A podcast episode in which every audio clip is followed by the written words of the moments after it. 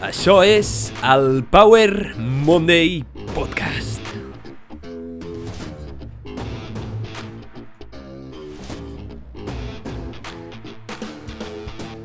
Benvinguts al Power Monday Podcast. Soc en Pau, el teu apassionat de fitness, inspiració i ciència. I en aquest podcast, cada setmana et porto un missatge, personatge, concepte o eina poderosa per ajudar-te a descobrir com desbloquejar la grandesa que tens dins teu i viure millor gràcies a la ciència, l'exploració i el coneixement.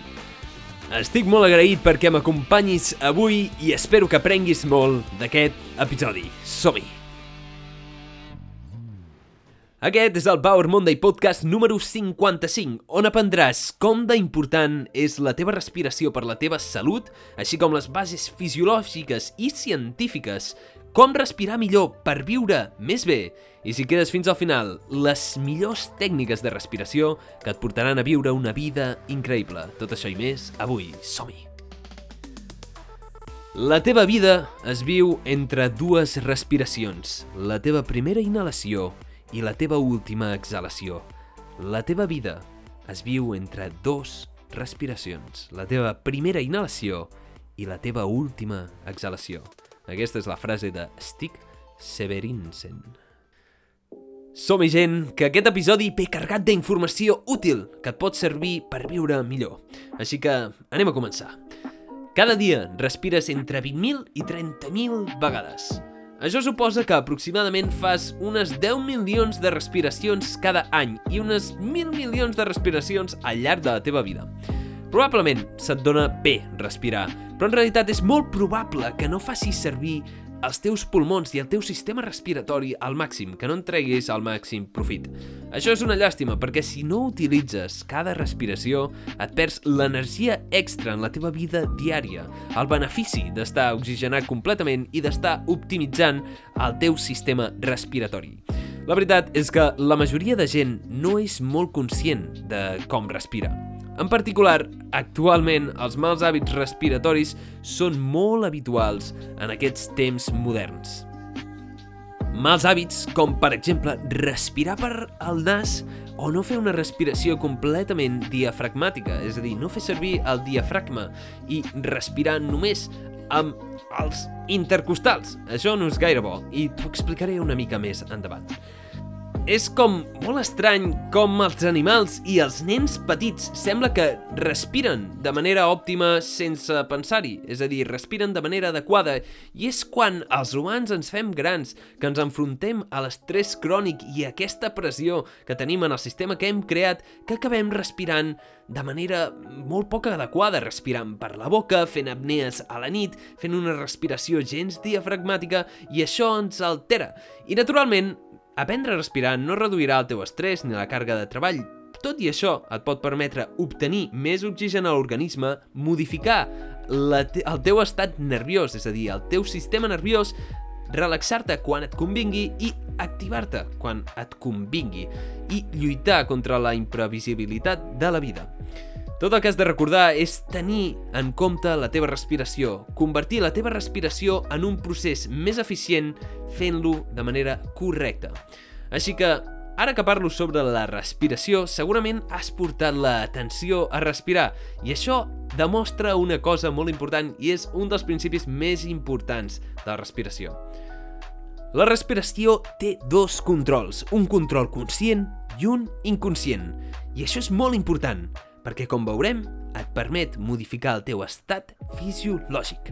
Així que anem a parlar una mica de fisiologia, de funcionament del teu organisme, com funciona la teva màquina. Perquè mai ningú t'ha ensenyat a respirar. Poca gent coneix la fisiologia de la respiració, però sabem que et permet canviar el teu estat. Sabem que quan estàs estressat respires més ràpid i que quan estàs calmat respires més lent. Així que he pensat que et faré un breu resum sobre com funciona el teu sistema respiratori perquè puguis entendre millor com modificar la respiració pels teus beneficis.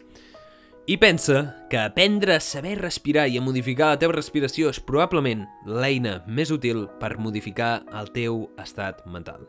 Així que som-hi amb una classe de fisiologia molt rapideta sobre com funciona el teu sistema respiratori. Primer de tot, no podem deixar de respirar. L'oxigen és el nutrient essencial més important per la teva vida. No pots aguantar gaire estona sense oxigen. Llavors, hem de saber primer de tot com respirem. Els pulmons són l'òrgan respiratori principal. És on agafem aire, això ho sap tothom, és on hi ha l'intercanvi de gasos. Aquest aire entra i surt per canvis de pressions. Dit de manera simple, cada vegada que augmentes el volum dels pulmons, la pressió baixa i entra aire. Augmentem el volum dels pulmons contraient el diafragma. El diafragma es contrau cap avall i dona més espai als pulmons i contraient els músculs intercostals cap amunt augmentant el tamany de la caixa toràcica. Al disminuir la pressió, segons la llei de Boyle, entra l'aire perquè troba un lloc amb menor pressió, amb menor dificultat per fluir. I quan expirem, és a dir, quan traiem l'aire, el diafragma deixa de fer força i per elasticitat els pulmons tornen al seu estat normal o, si ja fas més força, fas pressió abdominal, pots acabar de treure l'aire que queda i aquestes són les mecàniques bàsiques de la respiració, no té més, és com un globus.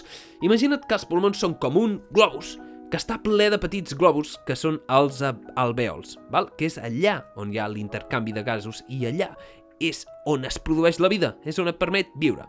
Ok, mecànica bàsica vista, però com es controla això des del nostre sistema nerviós? Com es controla això des del nostre comandament? Doncs bé, en el tronc cerebral tenim un centre de respiració que controla la respiració automàtica i la respiració conscient. Hi han diferents àrees que aniràs veient en aquest episodi del podcast. Primer de tot, has de saber que el nervi frènic irradia el que ve a ser, bueno, irradia, i nerva i actua sobre el diafragma. I també tenim nervis que van directament als músculs intercostals. I després tenim una àrea que es coneix com àrea pneumotàxica que desactiva el control de la respiració automàtica i et permet fer la respiració conscient. A més, per tot el cos, concretament per les caròtides i la horta, tenim uns quimioreceptors que detecten les concentracions d'oxigen i CO2 i ajusten automàticament la respiració en el centre de respiració. És a dir, tenim aquests sensors que van modificant automàticament perquè tu no t'hagis de preocupar sobre la teva respiració. Val, ara t'explicaré per què la respiració marca tant la diferència i per què és tan important. I això té molt a veure amb el sistema nerviós autònom. És una àrea fascinant. I és que el teu sistema nerviós autònom treballa com diu el seu nom, autonòmicament o automàticament, en el fons, sense que tu hi pensis ni ho hagis de controlar directament, però canvia depenent de les necessitats i de les circumstàncies. Per exemple, si estàs assegut calmadament, et baixarà la pressió, et baixarà la freqüència respiratòria i cardíaca. Si fa calor, suaràs, ajustaràs la temperatura del teu cos, els ronyons mobilitzaran l'aigua i canviarà també la teva temperatura. I és que és fantàstic quan funciona, però és una gran putada quan no funciona. Quan el teu sistema nerviós autònom ha perdut el nord, tens canvis fluctuants de temperatura elevats, sues perquè sí, tens mans a les freds, reacciones malament al fred o a la calor i quan no controla les seves funcions adequadament com el intestí irritable, no fa gaire gràcia. Llavors, el sistema nerviós autònom es distingeix del sistema nerviós central. I el sistema nerviós autònom té dues parts. Dues parts. El sistema nerviós simpàtic i el sistema nerviós parasimpàtic. El simpàtic es centra en les situacions d'estrès, de lluita o de reproduir-se. Augmenta la freqüència cardíaca, allibera glucosa, dilata pupil·les i al mateix temps inhibeix processos menys importants per la supervivència, com la digestió, orinar i altres processos. Bàsicament, s'activa en situacions de lluita, en situacions de tensió. Llavors tenim el parasimpàtic, no? que s'activa en situacions de calma. Aquest conserva i restaura, és a dir, disminueix la freqüència cardíaca, la respiració, reserva energia, es coneix en anglès com rest and digest, és a dir, descansar i digerir. Tot i tenir un efecte que sembla contradictori en aquests dos sistemes, això no vol dir que siguin mútuament exclusius i poden estar actius de manera simultània, és a dir, poden estar actius alhora, produint una activitat coneguda com el to autonòmic. Aquest equilibri es deu a que els dos sistemes estan activats de manera simultània, però queda't amb això, que el sistema nerviós simpàtic es centra en les coses d'estrès, en les situacions de lluita, i el parasimpàtic en les situacions de descansar, rest and digest. Llavors, per què importa tant això? Perquè tu pots modificar el teu estat, pots modificar el teu estat d'estrès i lluita o estat de descansar i digestió amb la respiració. És la principal manera que tenim els humans de modificar el nostre sistema nerviós i això és un fet distintiu de la majoria dels humans, que ho podem fer de manera conscient, a diferència de molts animals que no poden modificar el seu estat amb la respiració. Ho modifiquen però no de manera tan conscient. Llavors, cada cop que inspires, el sistema nerviós autònom s'activa perquè cada vegada que inspires augmenta la concentració d'oxigen, augmenta la teva pressió arterial, augmenta la freqüència cardíaca i de manera interessant, la tensió en tot el cos augmenta. Ho pots notar, ho pots experimentar ara mateix en el teu propi cos. Inspira ràpid i augmenta la tensió, puja la pressió, puja la freqüència cardíaca i quan expires, el teu cos en general es relaxa, baixa la pressió arterial i es relaxa. I això et demostra que tens el control del sistema nerviós simpàtic i parasimpàtic a demanda amb la respiració conscient.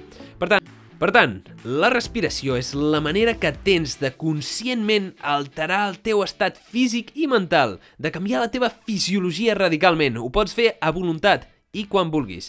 I això, com et deia, és una característica distintiva dels éssers humans. Val, val, val. Ara, abans de seguir, vull aclarar una cosa.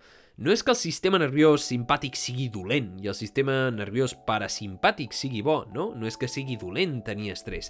De fet, l'estrès és necessari, com per exemple durant l'exercici. Però en general, avui en dia, com que estem sobreestressats en aquesta vida tan contínua d'esforç i estrès on no podem controlar el nostre estat, um, normalment és bo aprendre tècniques de relaxació en general. Però no és que un sigui bo i l'altre sigui dolent, perquè algun cop potser has sentit ai, és que estic tan estic tan sistema nerviós simpàtic o estic tan parasimpàtic. Uh, això no té cap mena de sentit. Llavors, un dels motius pels quals la respiració és una eina tan poderosa per canviar el teu estat és que, en primer lloc, està disponible a ser controlat voluntàriament en qualsevol moment. Ara mateix puc decidir fer tres inhalacions Bueno, F4. 1, 2, 3, 4. I després, simplement puc tornar la meva respiració a manera reflexiva, o puc exhalar, o puc aguantar la meva respiració. La part del teu cervell que controla la respiració està en una posició única, perquè està entre la frontera del control conscient i el control inconscient. Per tant, podem dir que aquesta és la porta que tenim per accedir el nostre sistema nerviós autònom. No podem fer això amb la digestió, no pots fer això amb el teu batec del cor, no pots controlar aquestes funcions autonòmiques de manera conscient. En canvi, la respiració, sí. En segon lloc, la respiració altera directament el teu nivell d'alerta, perquè, com et deia, activa el teu sistema nerviós autònom. Com més ràpid respiris en general, més alerta estaràs, i com més lent respiris, més calmat. A nivell de neurociència, hi ha dues àrees en el cervell destinades en la respiració. En primer lloc tenim el complex de Pre-Botzinger, que es va descobrir als anys 70, que controla la respiració ritme, rítmica. Inhalar, exhalar, inhalar, exhalar. Val? Una respiració, una inhalació seguida d'una exhalació. I després tenim una altra àrea en el cervell, prop del nucli parafacial, que involucra la respiració quan hi ha dobles inhalacions o triples inhalacions. I potser preguntis, per què collons hauríem de necessitar una àrea destinada a fer més d'una respiració? Doncs bé, sembla ser que quan estàs parlant o plorant, has de combinar la respiració amb parlar o inspirar i exhalar que va molt ràpid, va tan ràpid que no te n'adones i a vegades fas dobles inhalacions o dobles exhalacions. I a més a més, recentment, i aquest és el tema important, s'ha descobert que hi ha un conjunt de neurones que tenim tots els éssers humans que controlen el que es coneix com a sospir fisiològic. I aquest no és el típic sospir de sinó que consta de dos inhalacions seguides i després un sospir. És un... Això ho fem tots mentre dormim, sense donar-nos en compte, i també quan plorem, per exemple. Val. Però per què coi t'hauria d'importar això? Doncs es veu que aquesta és la manera més ràpida que ha observat la ciència per portar la ment i el cos en un estat de relaxació, és a dir, per tornar a recuperar el teu estat autonòmic, per portar un equilibri. Aquesta doble inspiració-exhalació et pot permetre, bàsicament, portar el teu nivell de tensió física i mental en el nivell adequat. És com fer un reset. El principi que hi ha darrere és que et permet alliberar els alvèols i fer l'intercanvi de CO2 i oxigen adequadament, però és molt més tècnic i va molt més enllà. Molt bé, doncs t'acabo de fer una mega master mini class de com funciona la respiració, val? Espero que hagi quedat clar les bases mecàniques, les bases una mica fisiològiques, no hem entrat dins de la bioquímica de l'intercanvi de gasos, però bueno, el més important és que la respiració és la clau al control del teu sistema nerviós autònom, sistema nerviós simpàtic i parasimpàtic, i això et pot permetre modificar el teu estat físic i mental sempre i quan controlis conscientment la teva respiració. D'acord, d'acord. Uh, vist això, anem a veure què pot fer el teu cos amb la respiració? I és que el teu cos és un organisme increïble, capaç de transformar-se a un grau que la ciència no creia possible durant molt temps, com augmentar el tamany i eficiència dels pulmons o rejuvenir el teu cervell. Però amb les tècniques de respiració adequades podem transformar radicalment la teva fisiologia per al teu benefici. I és que diferents tècniques de respiració han demostrat que et poden ajudar a fer front a l'estrès, l'ansietat, la depressió, millorar el rendiment físic, ajudar-te a dormir, recuperar-te de malalties cròniques, de controlar el teu sistema immune, fer front al dolor crònic, i és de manera completament segura i gratuïta. És fàcil concentrar-se en la respiració tant si ets jove com si ets vell com si estàs malalt i les tècniques de respiració solen ser això, hàbits segurs, fàcils, eficients, gratuïts que pots exercir en qualsevol moment del dia. Epa, epa, epa, això tampoc és una panacea, val? No és un miracle, però sí que sovint s'infravalora que al llarg de la història i ara la ciència han demostrat com les tècniques de respiració adequada et poden permetre viure millor augmentant la teva capacitat física, mental, si les practiques constantment. I aquestes tècniques no són noves, simplement són tècniques que s'han anat utilitzant, s'han anat modificant i ara comencem a veure realment els seus beneficis. Realment s'hem equilibrat moltes tècniques que eren basura de respiració, però en tenim unes quantes que sembla que sí que indiquen que són molt positives. Totes, en general, es basen en el pranayama, que és un aspecte tradicional del yoga. I aquí t'explico i et presento les tècniques conegudes més estudiades. Que consti que aquestes no són les úniques tècniques de respiració, però són les que he vist que presenten major evidència i les que coneixo més. Així que som-hi, anem a analitzar quines són aquestes tècniques. Ok, com al principi de l'episodi et parlava de la respiració diafragmàtica. Què és això de respiració diafragmàtica? Doncs es tracta de respirar profundament amb intenció utilitzant el diafragma completament. Respirar profund no és inflar la caixa toràcica, com t'han ensenyat algun moment, no? Et dic, ins... vale, fes una respiració profunda. Com l'has fet? L'has fet amb la caixa toràcica o l'has fet de manera diafragmàtica? Diafragmàtica seria fer la inspiració profunda i deixar que es mogui la panxa, i concretament una part en la que està sota el teu malic. Si et centres en aquesta part, veuràs com respirar augmenta molt la quantitat d'aire que pots inspirar. I sense inflar gaire la caixa toràcica. Val, la respiració diafragmàtica ha demostrat moltes coses. En general, promou la relaxació i el benestar i salut mental. Per exemple, tinc un estudi aquí al davant, publicat al Frontiers in Psychology l'any 2017, on van posar 40 participants a fer unes sessions de respiració diafragmàtica. Els resultats van suggerir que la respiració diafragmàtica enfront al control, que no practicava cap mena de respiració, millorava tant el benestar físic com el benestar mental en diferents escales. Es veia un efecte significant en els nivells de cortisol, l'hormona de l'estrès, amb uns nivells molt més baixos a l'acabar de l'estudi i també una millora en l'atenció, l'atenció i la capacitat de concentració, simplement practicant dues sessions de 15 minuts al dia. Si vols veure més sobre l'estudi, pots mirar a les notes d'aquest episodi, com sempre. Et recomano que practiquis respiració diafragmàtica perquè et pot permetre també muscular la musculatura del sol pèlvic i de la part del core, d'aquesta part abdominal i lumbar, si ho practiques adequadament. El meu consell perquè practiquis la respiració diafragmàtica és que t'estiris, et posis la mà o el mòbil a la panxa i notis com el mòbil puja, fer pujar la mà o la panxa, d'acord? és molt important que aprenguis a respirar de manera diafragmàtica. D'acord, ara anem a veure la segona tècnica, te'n presentaré quatre. La segona és la respiració de Wim Hof. Aquesta probablement la coneguis, i és que no hi ha llista completa sobre tècniques de respiració que no parli de Wim Hof.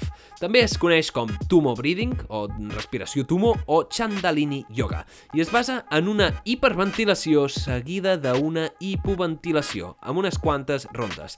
Què passa? Que es produeix una hipocàpnia, és a dir, disminueixen molt els nivells de CO2 en sang i després una hipòxia, disminueixen molt els nivells d'oxigen en sang. Es tracta de respirar unes 30-40 vegades seguides, unes respiracions profundes, i després aguantar la respiració una estona, uns 3 minuts, entre un minut i mig i 3 minuts. Es tracta de fer un mínim de 3 rondes. Aquesta tècnica realment ha demostrat coses increïbles. Ha demostrat que pot modificar el pH en sang, fet que es pot associar en una disminució de la percepció del dolor a través dels nociceptors, les neurones que es dediquen al dolor, i la producció d'endocannabinoides, que permeten atacar també el dolor. Entre d'altres, també permet millorar el rendiment esportiu, això és una mica controversial, i també afecta el sistema immune. He de deixar clar, però, que el mètode Wim Hof també sol incloure una exposició al fred i la meditació seguida de la respiració. Tot i això, et recomano molt que provis el mètode Wim Hof i la respiració te la deixaré en aquest episodi, així que queda't fins al final i podràs practicar aquesta respiració in situ, ara mateix, val? Però abans d'això anem a parlar de les dues tècniques que em queden que potser també poden canviar la teva vida. La tercera tècnica és l'alè de foc, el Breath of Fire. Aquesta és una tècnica que es basa en l'exhalació i inspiració curta i ràpida. L'exhalació requereix la contracció dels músculs abdominals i sol cansar força, però ha demostrat diferents beneficis. Es tracta d'inhalar ràpidament i exhalar ràpidament, com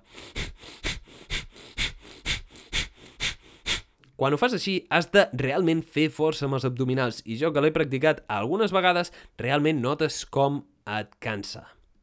La tècnica també pot millorar els nivells d'estat mental i d'estat físic, així com altres beneficis que no entrarem ara mateix en detall, però sí que té estudis que demostren els seus beneficis.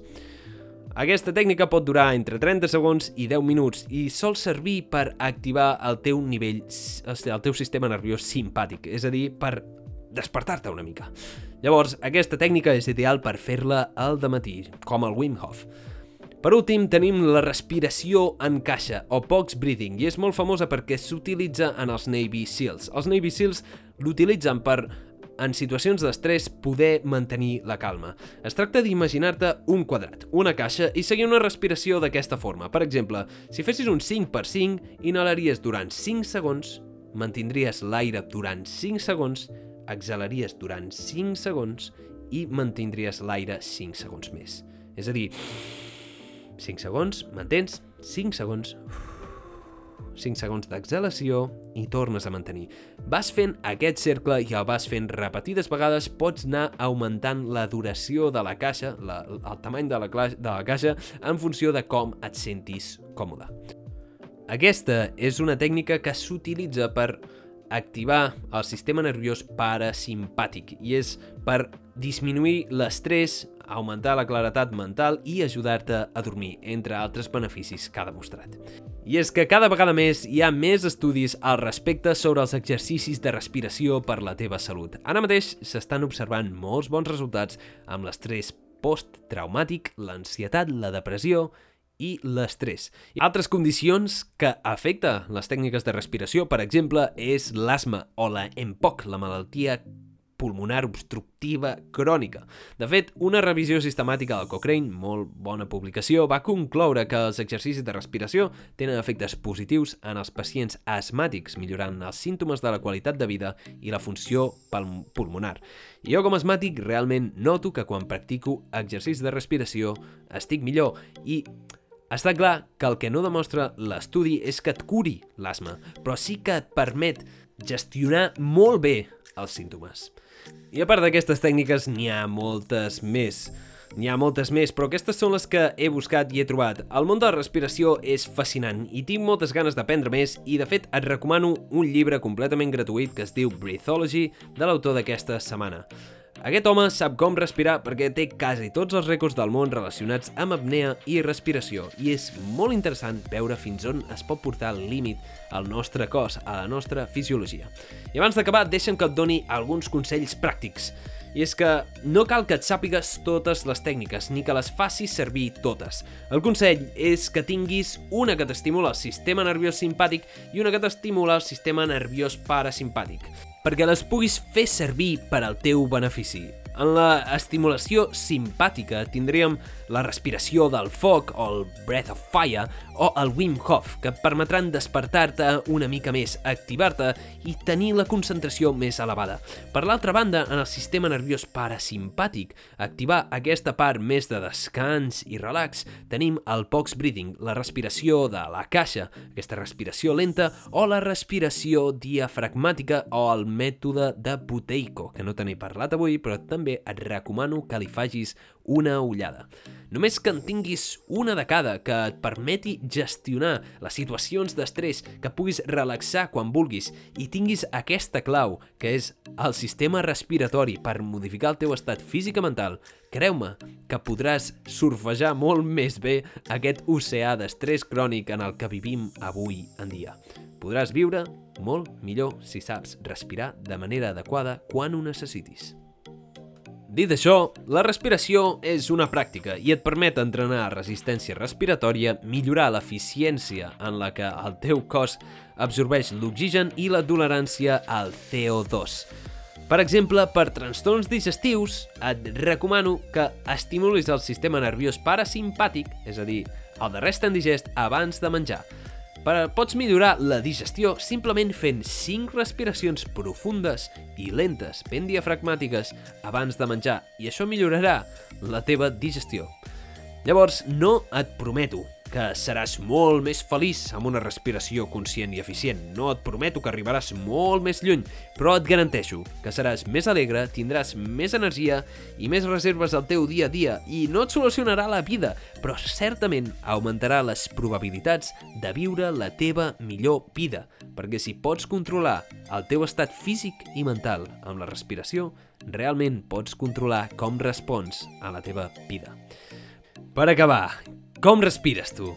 Què n'opines de la respiració? Creus que és una estupidesa o realment és tan important com crec jo?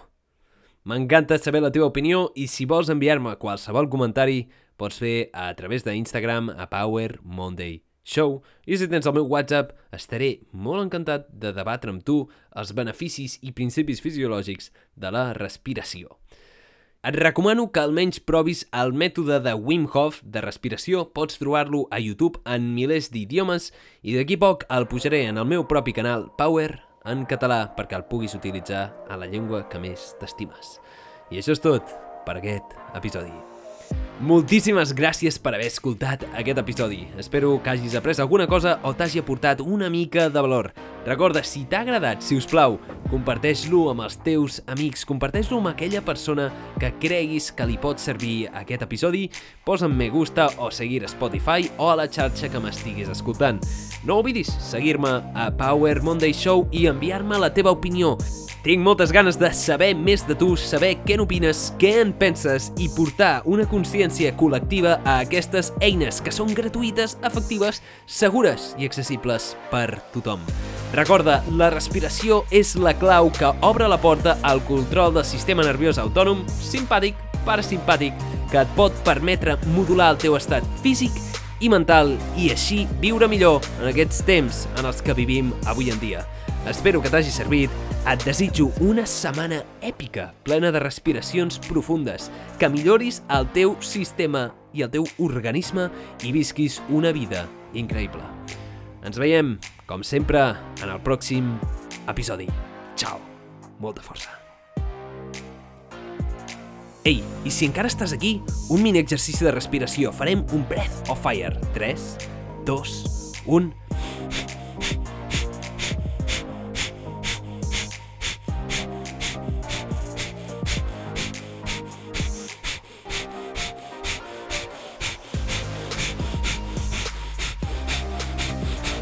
Inspira.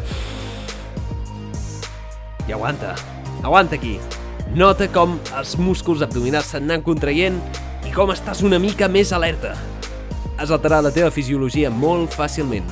Ah, i no t'oblidis del sospir fisiològic.